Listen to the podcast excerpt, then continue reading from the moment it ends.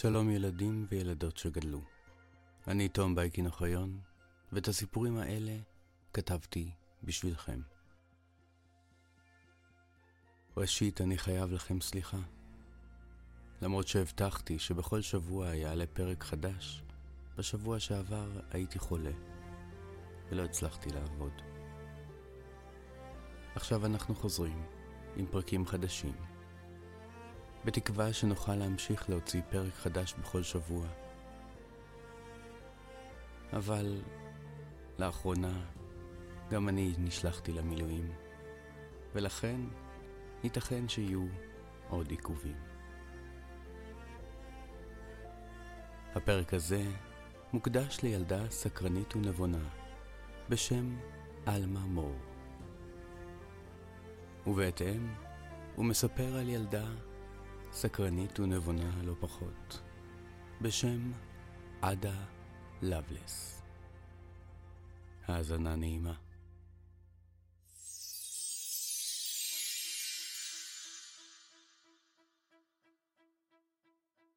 שמועות רבות פשטו ברחבי בריטניה על המשורר האציל המפורסם ביותר שלה, הלורד ביירון. סיפרו שהוא משוגע ורשע ושמסוכן להכיר אותו. שמרוב מסיבות ונשים, כתיבת שירה וטיולים, הוא אף פעם לא הולך לישון. היו אפילו שמועות שהוא ערפד שמשוטט בלילות, בחיפוש אחר קורבנות. השמועה האחת שאיש לא האמין לה, הייתה שהרווק ההולל עתיד לשאת לאישה לא אחרת מאשר הברונית האחת עשרה של ונטוורת, אנה איזבלה מילבנק. למרבה הפלא, דווקא שמועה זו הייתה נכונה. אומרים שהפכים נמשכים זה לזה, וכמו כל האמירות, גם זו נכונה לפעמים. אנה איזבלה אמנם אהבה שירה, ואף העריכה מאוד את כישרונו הייחודי של הלורד ביירון, אבל היו לה גם תחומי עניין רציניים יותר, כמו מתמטיקה, פילוסופיה ומדע. אם הלורד ביירון היה אביר הדמיון, ואהב את החירות של האדם ואת היופי של הטבע, הרי הליידי ביירון, כך היא כונתה אחרי נישואיה, הייתה גבירת ההיגיון, שקולה ומחושבת, נבונה ורצינית.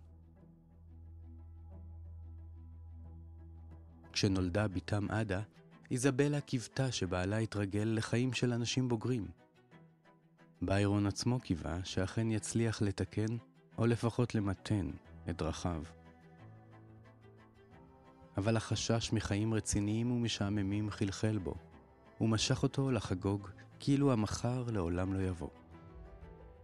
בעודה אוחזת בתינוקת הקטנה שלהם, ראתה ליידי ביירון בצער את בעלה הטרי יוצא בכל ערב לאופרה או להצגת תיאטרון, ומזמין לביתם חברים ללילות ארוכים של פורענות. ביתר הזמן הסתגר בחדר עבודתו וכתב בקדחתנות את השירה המופלאה שזיכתה אותו בתהילת עולם. ליידי ביירון ידעה שאב לא אמור להתנהג כך. לכן, כשהבינה שאין לו כוונה להתבגר, לקחה את בתה עזבה את ביתה והותירה אותו לחגיגותיו. היום, זוגות שלא מסתדרים יחד מתגרשים וממשיכים את חייהם בנפרד. זה לא נורא ולא מוזר, וגם אם קשה לילדים שהוריהם נפרדים, הם מבינים מהר מאוד שלכל אחד מגיעה פיסה של אושר בעולם הזה, אפילו להורים. במאה ה-19 באנגליה, גירושין במיוחד בקרב משפחות האצולה, גרמו לשערורייה גדולה שכל לונדון דיברה עליה במשך חודשים רבים. הלורד ביירון קיבל את הפרידה בשאננות אצילה, ויצא לחופשה. הוא טייל בבלגיה ובצרפת, בילה כמה חודשים בווילה ליד אגם ז'נבה, גר תקופה באיטליה, ולבסוף מצא את מותו בניסיון לשחרר אי יווני מידי הטורקים. חייו ומותו כמו שירתו, היו פרועים ומרגשים, והעולם איבד מעט מזוהרו, כשהלורד ביירון עזב אותו.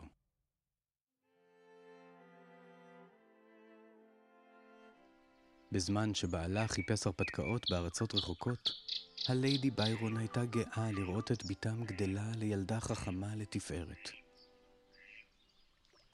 היא האשימה את השירה, שכישפה את בעלה והובילה אותו לבזבז את חייו, כספו וכישרונו, והחליטה להגן על בתה מקסמיו של הדמיון בכל מחיר. היא דאגה שלילדה לא יהיו בובות, אלא רק קוביות, שבעזרתן תוכל ללמוד הנדסה. אסרה על האומנות והמטפלות של עדה לשיר לה שירים, ובייחוד אסרה עליהן לקרוא לה אגדות. שכן ידוע שאגדות טובות במיוחד לפיתוח הדמיון. היא רצתה לפתח אצל הילדה את ההיגיון, ולשם כך טוב דבר אחד, חשבון. עדה הייתה ילדה פיקחית במיוחד, שאהבה הנדסה וחשבון. אבל הדמיון, עד כמה שלא ננסה לחנוק ולדכא אותו, תמיד ימצא דרך לפרוח במוחות הצעירים. ולמרות שימיה היו מלאים במספרים, חלומותיה היו מלאים בפיות. היא כל כך רצתה לעופף כמו פייה, עד שהחליטה להמציא מדע חדש בשם תעופולוגיה, ובילתה זמן רב בחדרה בניסיון להבין מה נחוץ כדי להצליח לעוף. היא בחנה ספרים עם ציורים של ציפורים, והחלה לנסח את החישובים שיעזרו לה להבין איזה גודל של כנפיים מתאים בשביל גוף של ילדה. אחרי החישובים והמשוואות, המשיכה לבנות חליפת כנפיים מחוטי נחושת ובד משי דק. היא קראה לחליפה איקרוס. בכל פעם שהאמינה שחישבה הכל, התגלה עוד משתנה ששכחה להביא בחשבון. למשל, היא חישבה כמה כוח נדרש להרים את משקל גופה, מבלי להביא בחשבון את משקל הכנפיים עצמן, או חישבה את גודל הכנפיים, אבל לא את המהירות שבה יש לנפנף בהן. למרבה הצער, כשסיימה את חישוביה הרבים, עדה הגיעה למסקנה שזרועותיה הקטנות לא יוכלו לנפנף בעוצמה ובמהירות הנדרשות. עדה לא ויתרה, והחלה לתכנן עיצוב חדש. הפעם תכננה לבנות מכונה מעופפת שתפעל בכוח מנוע קיטור. למכונה קראה פגסוס. חדר העבודה שלה היה מלא בתרשימים, חישובים, חבלים ודגמים של כנפיים. היא הייתה גאה בעצמה, וקראה לאימא שלה לראות את התקדמותה. האם שמחה מאוד לראות שבתה עסוקה בחישובים, אבל כשגילתה שבתה מתכננת לקפוץ מגג הבית כדי לבדוק את יכולתה של המכונה לעוף, הבינה שהעניין הגיע רחוק מדי. בני אדם לעולם לא יוכלו לעוף באוויר עם מכונות ממונעות, אמרה לביתה. עדה סירבה להאמין לכך. היא ידעה שאיש לא האמין שתיתכן רכבת לפני שמישהו המציא אותה. אמה ניסתה גישה אחרת, ופנתה להיגיון של בתה. נניח, אמרה, שיש סיכוי שההמצאה שלך תצליח. עדה הזדקפה בגאווה. משתמע מכך שקיים גם סיכוי שהיא תיפול איתך אל הקרקע ואת תיפצעי. עדה התאכזבה, אבל הבינה שיש אמת בדבריה, וייתכן שבדיוק עכשיו אמה מצילה את חייה.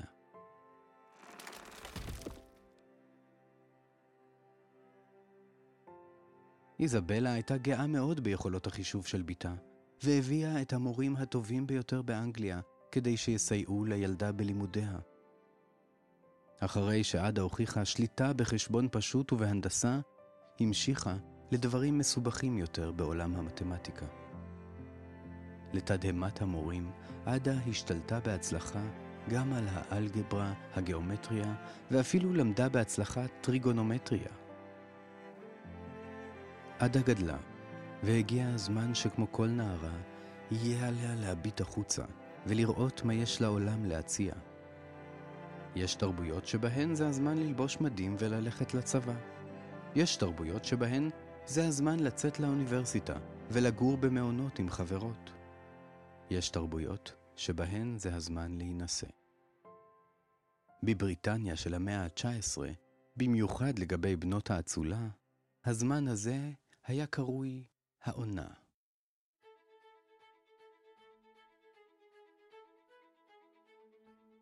זאת הייתה תקופה מרגשת של אירועים מכובדים שהוזמנה אליהם כל אצולת בריטניה.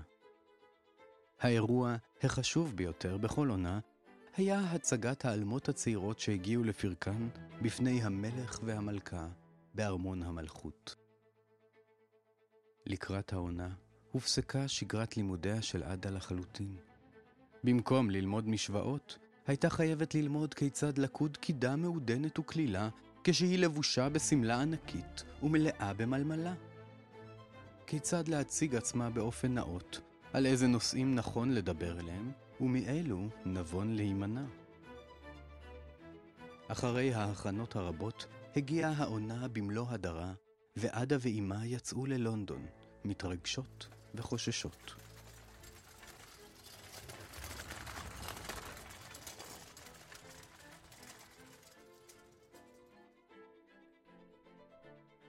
אחרי שנכנסו לארמון המלוכה, חיכו בכניסה לאולם המרכזי לצד כל העלמות הצעירות שזו הייתה עונתן הראשונה. הכרוז קרא בשמן, ואחת-אחת היה עליהן לצעוד אל כס המלך והמלכה, לקוד קידה ולהמשיך.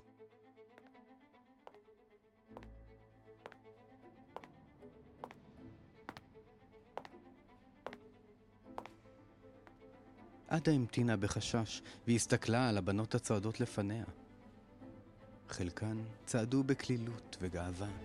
חלקן התעלפו מהתרגשות או מלחץ המכוך. אחת מהן אפילו הקיאה, פרצה בבכי וברחה מהארמון. זה קורה בכל עונה, הרגיעה אותה אמה.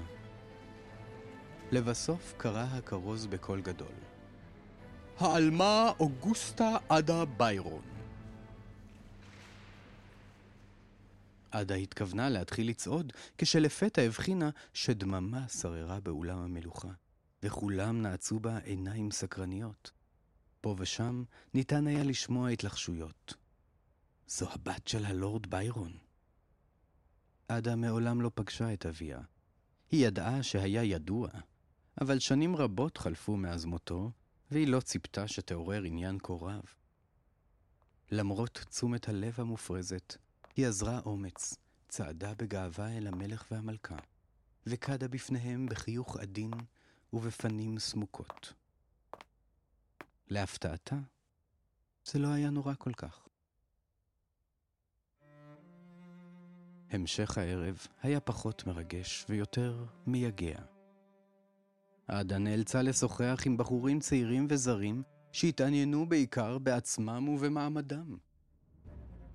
כשאחד מהם שאל אותה לתחומי העניין שלה, אמרה בביישנות, אני אוהבת הנדסה ומתמטיקה. את אוהבת מתמטיקה? השיב לה בן שיחתה. אז את חייבת ללכת לאחת המסיבות של צ'ארלס בבג'. בבג' היה ממציא אנגלי שניצל את העונה לארח מסיבות גדולות בביתו שבלונדון כדי להשיג מימון להמצאותיו המיוחדות. הוא חי בבית אחוזה המוזר ביותר, שנבנה מלבנים אדומות וחלונות מרובעים, ומגגו הזדקרו ערובות ששיוו לו מראה של מפעל תעשייתי, ולא של מקום מגורים מכובד. לעומת זאת, פנים הבית היה מפואר ומהודר, כיאה לאדם במעמדו. כשעדה נכנסה לחדר המבואה עם שאר האורחים, כולם התבקשו לחכות למארחם המסתורי. לבסוף הגיע אדם מבוגר ומחוייך, שהוביל אותם אל אולם קטן שבמרכזו ישבה בובה עשויה מתכת. כאשר קהל האורחים הקיף את הבובה, ניגש בבג' אל גבה ומתח קפיץ קטן באמצעות מפתח.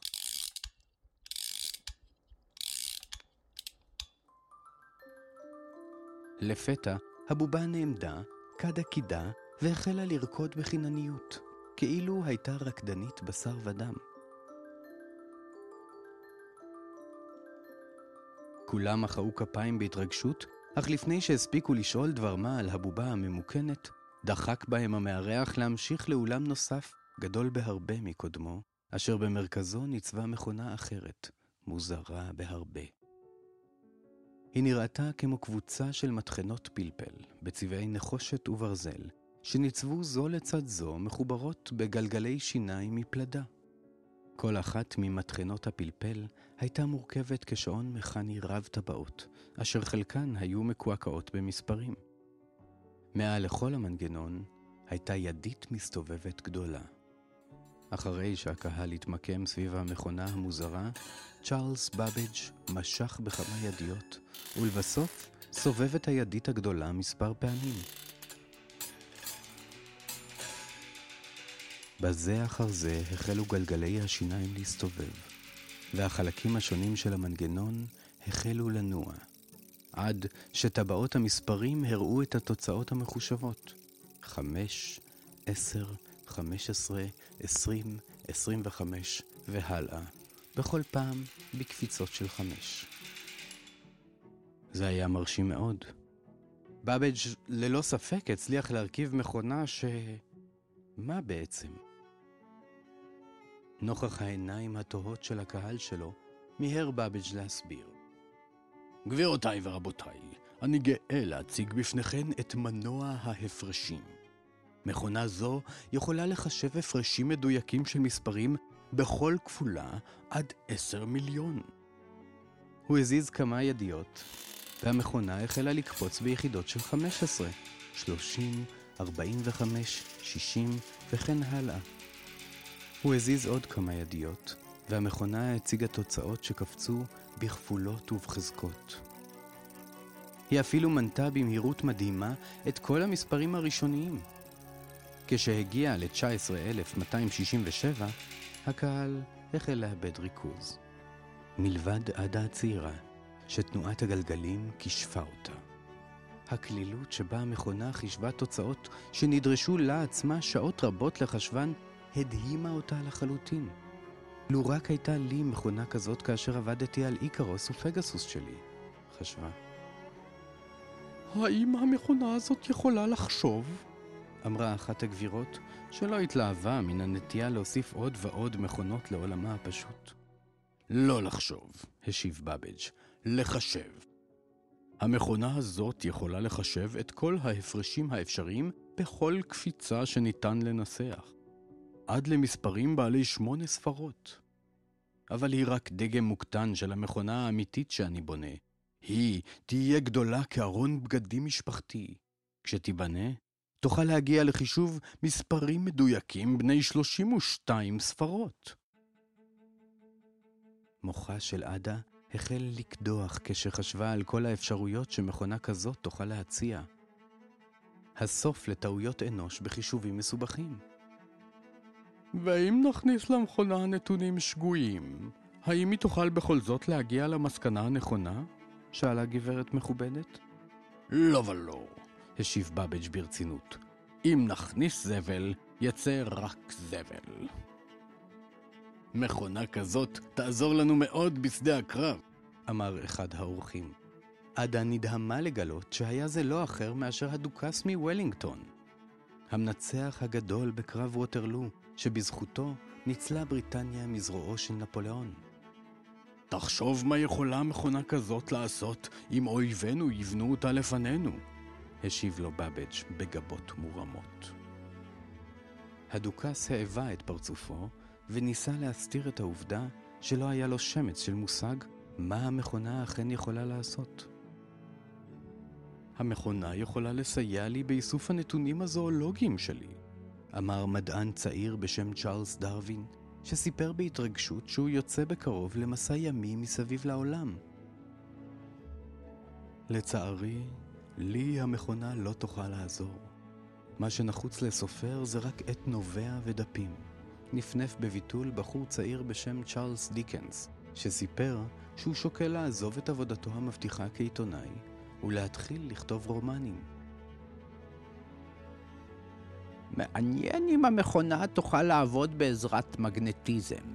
תהה מדען חביב בשם דוקטור פרדיי, שלימים יהיה הראשון לגלות שימושים אפשריים בחשמל. כל הכבוד לך, צ'ארלס, אמרה בידידות המדענית הידועה מארי סומרוויל. היא כבר ראתה את מכונתו בפעולה, אך רצתה לעזור לו בגיוס הכספים המיוחל.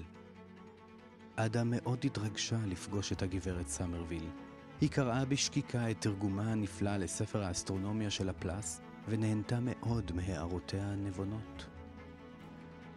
למרות שבדרך כלל הרגישה מגושמת ומסורבלת באירועים חברתיים, עדה הרגישה כאן משוחררת וחופשית. היא שוחחה עם בבג' ארוכות על המכונה שלו, והוא התרשם מאוד מהשכלתה הרחבה ומהבנתה העמוקה. השניים הפכו לידידים, ועדה הייתה לאורחת קבועה בביתו של הממציא.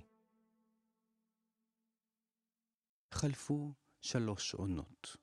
הגיע הזמן למצוא לעדה חתן ראוי. מכיוון שעדה הייתה הבת היחידה של הוריה, גורל המשפחה נשען על כתפיה. היא לא הייתה רשאית לגרום לכך שהשושלת המכובדת של משפחתה תבוא לידי סיום, רק בגלל שהיא רוצה להעמיק בלימודי המתמטיקה. לפעמים החיים מציבים לנו שיקולים החורגים מענייננו האישיים. למרבה המזל, פגשה עדה אלם נאה ומכובד בשם ויליאם קינג, שלצד אהבתו הגדולה לבנייה ולארכיטקטורה, אהב והעריך מאוד את המדעים המדויקים. השניים נישאו, ונולדו להם שלושה ילדים. המלכה ויקטוריה העניקה לזוג תואר אצולה מכובד, ועדה הפכה לליידי לבלייס, אשתו של הרוזן לבלייס הראשון. גם היום מקננת בליבם של רבים מאיתנו משאלה להיות נסיך או נסיכה מבית אצולה מכובד. רובנו לא יודעים כמה אחריות ועבודה קשה מצטרפות לתארים אלה. עדה הייתה צריכה לעקוב אחר חינוך ילדיה, לשמור על קשרים חברתיים עם משפחות האצולה האחרות, לבוא לכל האירועים החשובים, לדאוג לניהול האחוזה ולעשרות עובדי המשק. במילים אחרות, היה עליה לעסוק בחינוך, כלכלה, ניהול, פוליטיקה וחברה. לא היה לה כלל פנאי להתעדכן בהתפתחויות שהתרחשו בעולם המדעים או להשקיע בלימודי המתמטיקה. עם זאת, היא לא שכחה את בבג' ידידה, והצליחה לנצל את קשריה כדי להשיג לממציא פגישה אישית עם ראש ממשלת אנגליה, האיש היכול בקלות לממן את המצאתו. כמה התאכזבה לגלות שבאבג' התרגש כל כך לקראת הפגישה, עד ששכח לחלוטין את נימוסיו ותוכניותיו.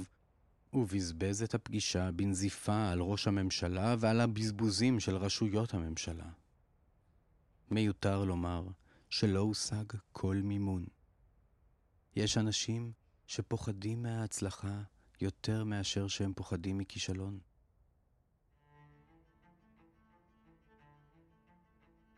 אחרי שילדיה גדלו והאחוזה התנהלה באופן מסודר יחסית, עדה החליטה שהגיע הזמן לדאוג גם לעצמה. לשם כך, החלה בחיפושים אחר מורה חדש למתמטיקה. הוא חייב להיות אדם מיוחד מאוד, חשבה. אדם שיכול ללמד אותי בדרך המוזרה שבה אני אוהבת ללמוד, בעזרת הדמיון, ולא רק בעזרת ההיגיון. היא מצאה מורה מתאים, המתמטיקאי אוגוסטוס דה מורגן. למרות שהיה אדם עסוק מאוד, הסכים ללמדה בהתכתבות. עדה נהנתה לחזור ללימודיה, אבל הלמידה בהתכתבות הייתה קשה מאוד. עם כל שאלה שרצתה לשאול, היה עליה לחכות שבוע שלם עד שמכתבה יגיע ליעדו, ועוד מספר ימים עד שהמורה יקרא את המכתב וישיב עליו. ושבוע נוסף כדי שתשובתו תגיע בחזרה אליה. בזמן שהמתינה, עדה חשבה על התנועה המהירה של גלגלי השיניים של בבג' וניסתה לדמיין כיצד יהיה אפשר ללמוד אם מכתבים יישלחו במהירות שבה הם הסתובבו. בדרך זו, עדה למדה והתמקצעה בסוג הגבוה של המתמטיקה, החשבון האינפיניטיסימלי, או החשבון האינטגרלי והדיפרנציאלי. תורת המתמטיקה המסובכת, שבעזרתה אפשר לחשב משוואות מורכבות המכילות סדרות, קבוצות ונגזרות של מספרים. בשל צורת הלמידה המוזרה הזו, עדה נאלצה לדחוס בכל אחד ממכתביה שאלות רבות, כמו האם אפשר לחשב גם עם מספרים דמיוניים, כמו השורש של מספר שלילי? או האם קיימת גיאומטריה של יותר משלושה מימדים? אוגוסטוס דה מורגן לא היה מוכן להודות בכך שאין לו תשובות לרוב השאלות שלה. לכן הסביר במכתבו ששאלות אלה נוגעות בחוד החנית של המתמטיקה, שאין סיכוי שמוחה הקטן של אישה, אפילו אישה מוכשרת כמוה, יוכל להכיל. כך, המתמטיקאי והלוגיקן הצליח להוכיח שאפשר להיות, בעת ובעונה אחת, גם חכם וגם טיפש. יום אחד קיבלה עדה מכתב מחברה צ'ארלס בבג', שבו דרש להיפגש עמה בהקדם. יש לו חדשות מרעישות שברצונו לספר לה פנים אל פנים. עדה שמחה לקבל את המכתב. האם הוא הצליח סוף סוף לקבל מימון לבניית המכונה שלו? כשנפגשו, בבג' סיפר לה שקיבל שוב השראה, והוא החל לעבוד על תוכנית למנוע הפרשים חדש. זאת תהיה מכונה משוכללת יותר, שתוכל להתעלות בהרבה על כל מה שאדם מסוגל לחשב בעצמו. היא תהיה ממש כמו למתוח גשר מן הנודע אל עבר הלא נודע. מכונה לניבוי מתמטי אמיתי. רק רגע, פנתה אליו ברצינות. הרי עדיין לא סיימת את המכונה הקודמת שלך. אבל זאת תהיה מכונה הרבה יותר יעילה. אפשר יהיה להזין לתוכה תחשיבים שלמים ולקבל תוצאה מיידית. מר בבג' יקירי, הפצירה, לא תוכל לקבל מימון לבניית מכונה חדשה, אלא אם כן תסיים את המכונה הקודמת. הוא חיפש אחר תרשים מסוים בין הניירות הרבים המפוזרים במשרדו, וכשמצא אותו, הראה לה בגאווה. המכונה הזו, הנה, תראי כאן. הוא הצביע על התרשים. תהיה מורכבת מארבע יחידות משלימות.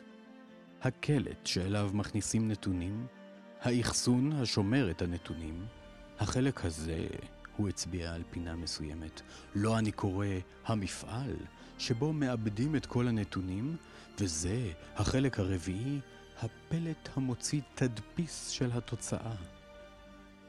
עדה התבוננה בתרשים בעיון.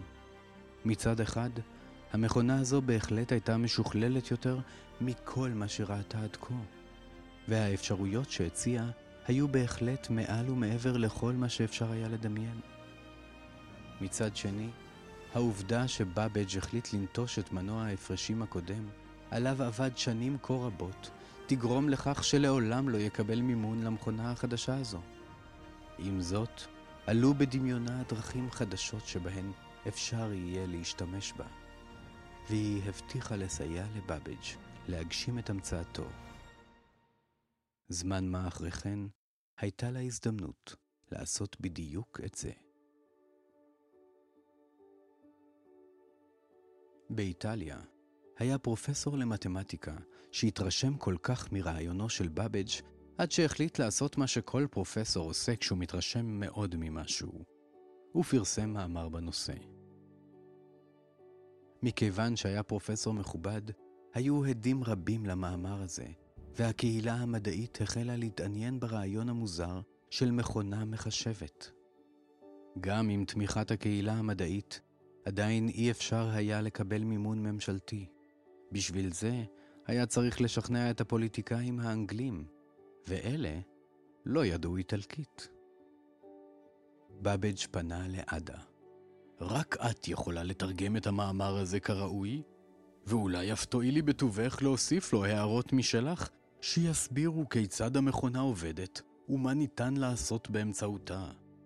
את היחידה שהצליחה להבין את ערכה. עדה הסכימה לקבל על עצמה את המשימה. היא תרגמה במהרה את המאמר כולו, כשבכל מקום שמצאה לנכון, הוסיפה הערות כדי לבאר את הרעיונות המורכבים שהוצגו שם.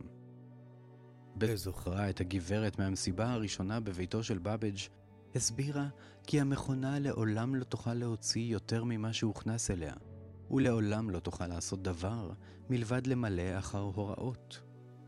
במילים אחרות, מדובר במכונה מחשבת, לא במכונה שחושבת. לבסוף, העירה עוד הערה שתענה על השאלה הגדולה שעמדה לכולם על קצה הלשון.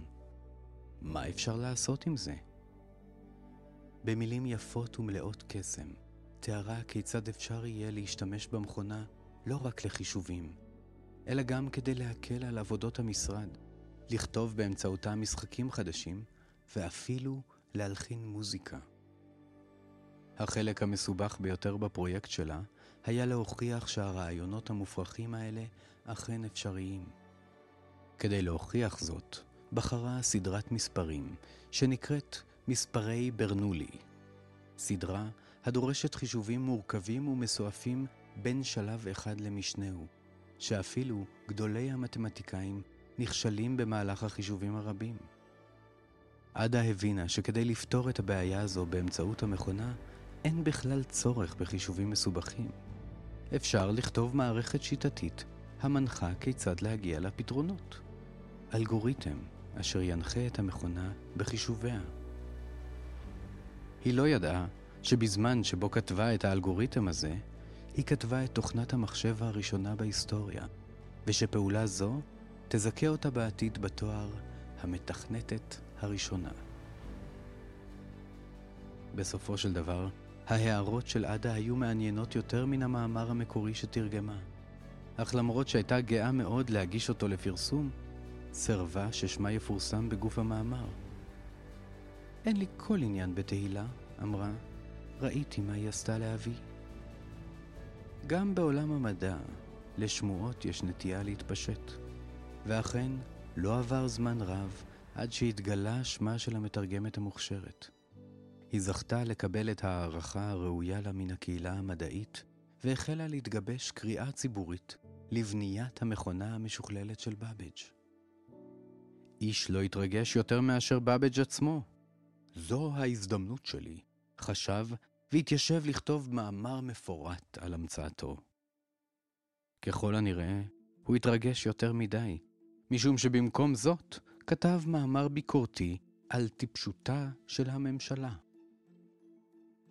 אחרי פרסום המאמר הזה, לא היה איש בממשלה שתמך בבאבג' וברעיונותיו, והמכונה שלו נותרה רעיון מופלא, אוסף תרשימים ומאמר אחד מתורגם ומואר כהלכה.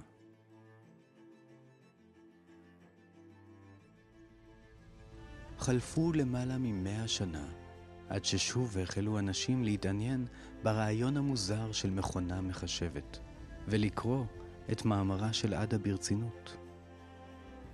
בזו אחר זו החלו להופיע מכונות שונות ומשונות, שפעלו באמצעות חישובים לוגיים ומתמטיים. למכונות המחשבות האלה קוראים כיום מחשבים. הם נמצאים בכל מקום סביבנו, עד שקשה לחשוב שהיו זמנים שבהם אנשים הסתדרו מצוין בלעדיהם. איש לא יכול היה לדמיין את ההשפעה הרבה שתהיה למחשבים על חיי בני האדם. איש, מלבד עדה לבלס.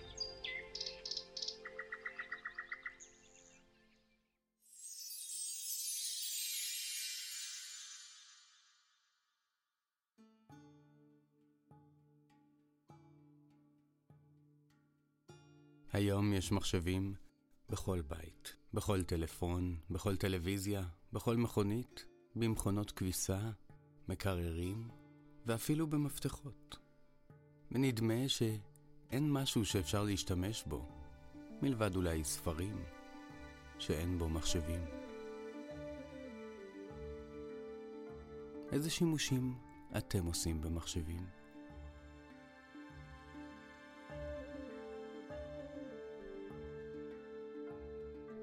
מה הייתם רוצים ללמוד לעשות איתם?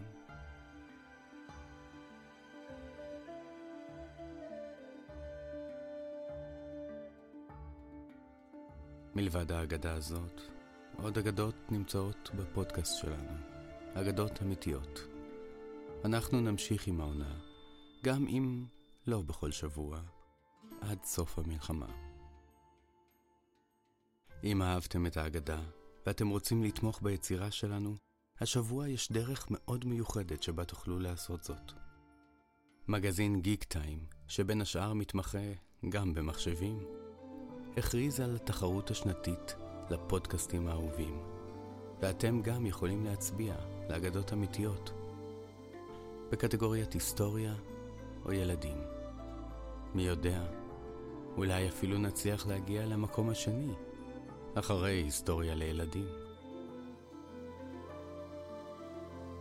ואם רק תסתכלו טוב טוב, תראו שכל אחד ואחת מכם הוא כבר גיבור של אגדה.